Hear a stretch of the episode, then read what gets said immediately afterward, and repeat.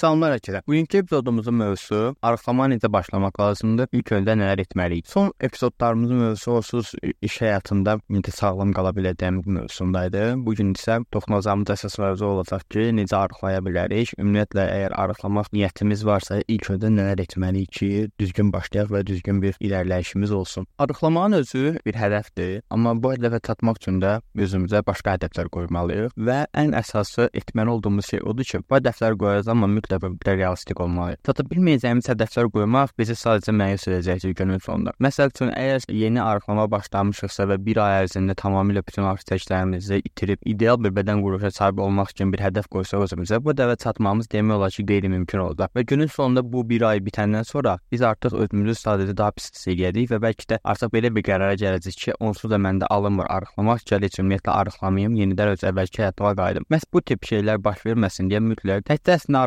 yox, hər bir hadisədə, hər bir hədəfimizdə mütləq və mütləq kiçik-kiçik xırda hədəflər qoyaraq, amma düzgün hədəflər, hansı hədəflər ki, biz bunlar çata biləcəyik. Bu tip hədəflər qoyaraq irəliləməliyik və sonda istədiyimiz ümumi böyük bir hədəfə çata biləcəyik bu metodlarla. Arıqlamağa qayıtsaq, arıqlamaqda əgər hədəf qoymaq istəyiriksə, belə deyərdim ki, əgər tamamilə yeni başlamısınızsa, ilk həftələrdə 1 kiloya qədər arıqlamaq müəyyən qədər mümkün ola bilər, əgər həddindən artıq arıq çəkisləriniz varsa. Amma arıqlamaqda da burada da bəzi digər nüanslar var, çünki ilk öncə başlayanda bədənimizdə tutulan artıq su, pis qidalanmışıq deyə bədənimizə yaranan toksikləri bədənimizə atacağıq deyə onsuz da sürətli bir arıqlama periodu olacaq. Amma bu period bitəndən sonra artıq arıqlamaq getdikcə çətin olacaq. Ona görə də belə deyə bilərəm ki, həftə ərzində yarım kilo ilə 1 kilo arası arıqlamaq böyük ölçüdə düzgün bir seçim olacaqdır. Çünki dediyim kimi getdikcə daha da çətinləşəcəkdir arıqlamaq. Ona görə hədəflərimizi yarım kilo və 1 kilo aralığında qoymaq idealdır. Hədəfi qoyduq, necə keçək, nə etməli olduğumuza. Əslində çox sadədir. Yəni bunu hər bir insan bilir demək olar ki, arıqlamaq istəyiriksə daha çox hərəkət edib daha çox az yeməliyik. Burada əsas meyar kaloridir. Yəni bizim ölçü vahidi, enerjinin ölçü vahidi daha doğrusu kaloridir. Çünki qidadan aldığımız şey də kaloridir. Hərəkət edən zaman sərf etdiyimiz şey də kaloridir. Ona görə də işə kalori defisiti yaratmaqla başlamalıyıq. Məsəl üçün deyək ki, əgər gün ərzində 2000 kalori qidalanırsa, qidalardan əldə ediriksə, bədənimizə veririksə 2000 kalori, e, hardasa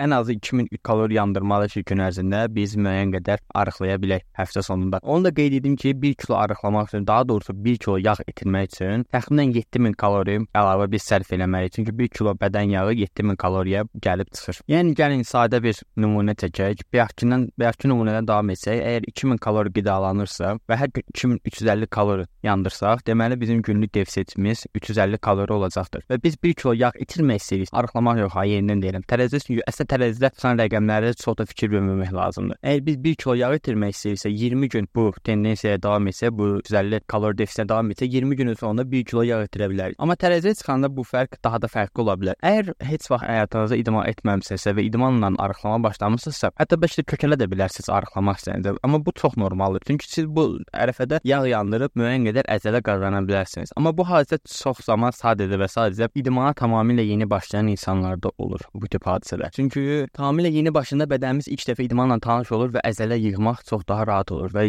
zaman keçdikcə bu proses daha çətinləşəcəyi üçün artıq həm arıqlayıb həm də əzələ qazanmaq da çətin olacaqdır. Ona görə də tərəziyə də çox fikir vermək düzgün deyil. Əgər fərqi bilmək istəyirsinizsə, ayna metodu hamısından yaxşıdır. Yəni aynadakı görünüşünüzə mütləq və mütləq fikir verin. Çünki aynadakı görünüşümüz bizə daha yaxşı bir qaynaqdır məlumat üçün. Çünki tərəzidə dediyim kimi bəlkə də çəkiniz hər gün dəyişə bilər. Əgər tərəziyə güvənmək istəyirsinizsə, o zaman mütləq və mütləq hər gün çəkinizi ölçün və həftəlik normaya baxın. Məsələn, ola bilər bir gün 50 kilo gəldiniz, növbəti gün 52 kilo. Yəni bu tip hadisələr də baş verə bilər. Məhz buna görə də bir neçə dəfə çəkinizi ölçüb həftəlik ortalamaya baxmaq daha düzgün olar. Sizə belə bir sual yarana bilər ki, bəs mən necə bilim ki, gün ərzində nə qədər kalori qəbul edirəm? Əslində bu üçün bir çox proqramlar vardır. Mən ən çox MyFitnessPal proqramından istifadə edirəm. Sözsüz ki, başqa proqramlar da var, hansı sizin üçün daha yaxşı olsa, bəzi nümunə olaraq Pet Checker deyə bilərəm. Bundan başqa əgər Samsung telefon istifadə etsəniz, Samsung Health proqramının içində də yemək qəbulunu qeyd etmək olur. Sözsüz ki, onlar da məlumatları Pet Checkerdən götürür, amma bu sizin üçün o qədər də vacib bir məlumat deyil. Yəni günün sonunda sizə vacib olan şey odur ki, siz nə qədər qida qəbul etdiyinizi dəqiqliklə biləsiniz. Bunun üçün isə ilk növbədə sizə məsələ ola bilər ki,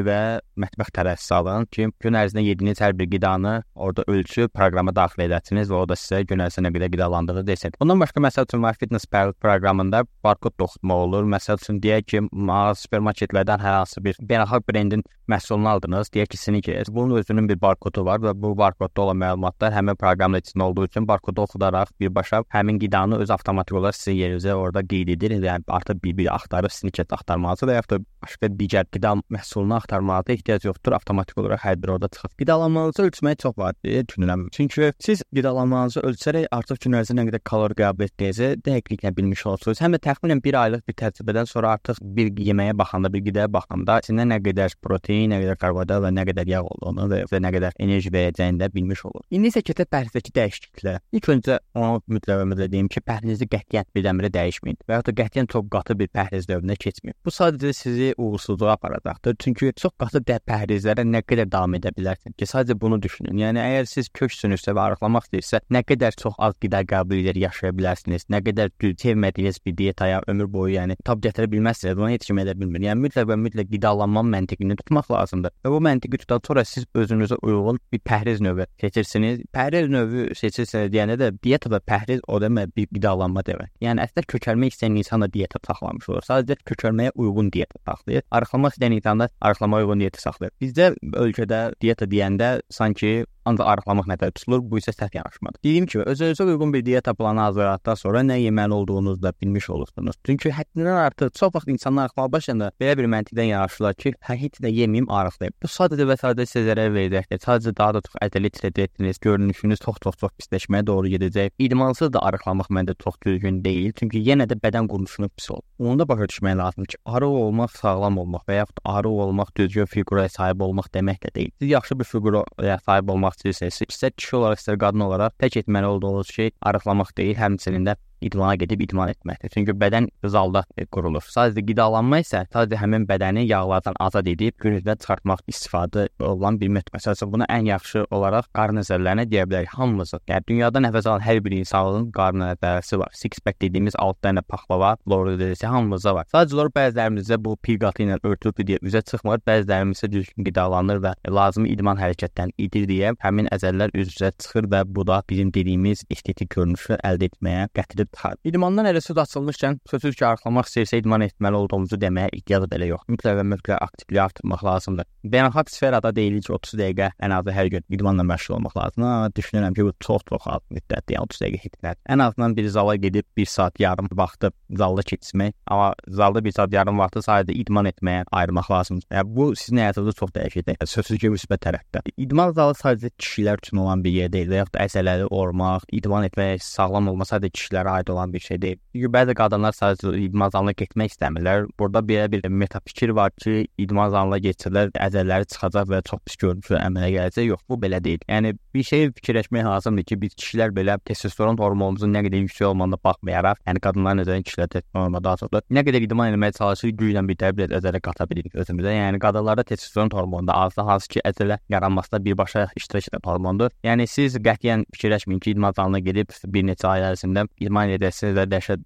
böyük qollarınız və yaxud da ədələri bir görünüşünüz olacaq. Burada belə bir fikrin yaranmasına əsas səbəb odur ki, bəzi idmanla məşğul olan qadın modellər var, hansı ki, həmin xanımlar hormon qəbul edirlər. Yəni steroid hormonunu və necə ki, çox iri, həddindən artıq iri kişilər var, hansı ki, biz bunları bodybuilder deyirik və bu insanlar yarışlarda iştirak etdikləri üçün çox zaman hormon qəbul edirlər və ön planda olurlar. Yəni həmin insanlar, xanımlar da hormon qəbul ediblər deyə onların nəzərləri dırnaq altında kişilərin kimi görsənir və buna baxan qadınlar da fikirləşir, "Ay idmana getsəm məndə də belə olar." Yox, sizdə elə olmayacaq. Qətiyyən narahat olmayın. Mütləq mütləq idman edin. İdmandan sonra isə növbə əlbəttə ki, ən vacib olan şeylərdən biri olan yuxuya gəlir. Mütləq mütləq düzgün yatmalıyıq. Çünki idmandan tam faydalana bilmək üçün gərək ən azı 7-8 saat, bəlkə 9 saata yaxın yataq. İdmanın şiddətindən asılı olaraq bu dəyişir. Arıqlamaq üçün də düzgün yatmaq lazımdır. Çünki siz belə fikirləşək ki, nə qədər uzun müddət oyaqsınızsa, həmin müddətdə qida qəbul etmə ehtimalınız artır. Bundan başqa insan az yatanda da daha çox qida qəbul etməyə meylli olur, çünki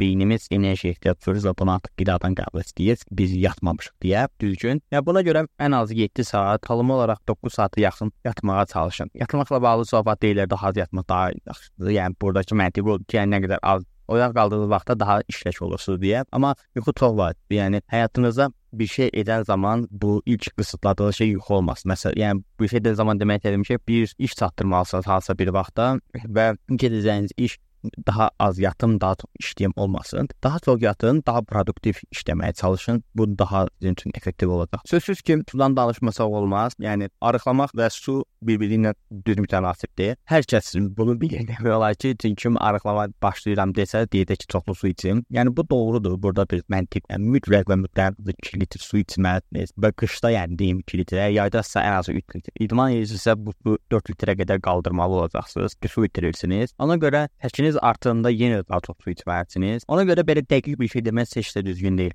ki, siz nə qədər su içməlisiniz. Burada bir çox faktor var. Amma dəqiq onu deyə bilərəm ki, qətiyyən susamağı gözləməyin. Çalışın hər zaman su için, susamağı gözləməyin. Çünki susuzluq hissi gələ bilər, gəlməyə də bilər. Çay içsəz bu susuzluq hissi keçə də bilər. Düzdür, çayın tərkibindəki suyu su kimi qəbul etmək olar, amma məsəl üçün kolanın tərkibində olsun, isə şəkərli, isə şəkərsiz, kofe olsun, qəhvənin tərkibindəki su, bu tip suları su kimi qəbul etmək düzgün sayılmır da. Yəni məsəl üçün mən 2 stəkan kofe içmişəm, ki, təxminən 5 yarım litrə yaxın su qəbul etdim bu gün. Yəni bu düzgün deyil. Yəni siz heç nə su qəbul etməmisiniz. Çünki kofeinin özü bədəni susuzlaşdıran bir maddədir. Elə biz belə fikirləşirik ki, elm belə fikirləşir ki, belə yanaşır məsələyə. Kofenin özünün çəkməyi ilə öz içindəki olan suyu çəkib yox edir. Yəni yarım litr kofedən su içmisinizsə, elə kofenin özü həmin suyu məhv edəcək. Ona görə də biz burada günün sonunda sıfır yaranır bizə və su qəbul etmiş sayılır. Bundan başqa stresi idarə etməyə çalışan çox stresli olanda insanlar daha çox yeməyə meylli olurlar. Sözsüz ki, əksi də olur, daha az yeyənlər də olur. Amma əgər stresli olanda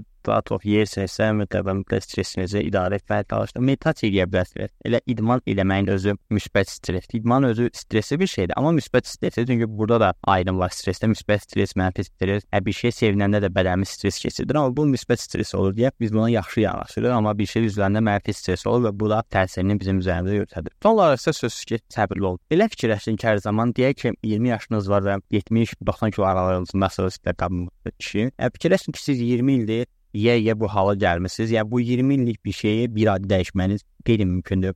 Dəyişsəniz və yenidən əvvəlki halına qayıdar. Bunu da vurğulamaq lazımdır. Yəni siz dəyişim nə qədər sürətli olsa, geriyə dönmə ehtimalınız o qədər çox olur. Yəni daha sürətli olacaqdır. Biri var 5 kilonu bir neçə ay itirəsiniz, bir də var 5 kilonu bir həftə itirəsiniz. Əgər bir həftəyə 5 kilo itirirsinizsə, böyük ehtimalla növbəti həftədə 1-4 kilo yerinə kökələcəksiniz. Yəni bu sadə praktikada hər zaman belə olur. Ona görə mütləq səbirli olun, prosesi zamana yayın. Bu çox vacibdir. Hədəfinizi daha uzun müddətli hədəf qoyun. Yəni qoymayın ki, mən arıqlamaq istəyirəm. Deyək ki, mən daha sağlam yaşamaq istəyirəm.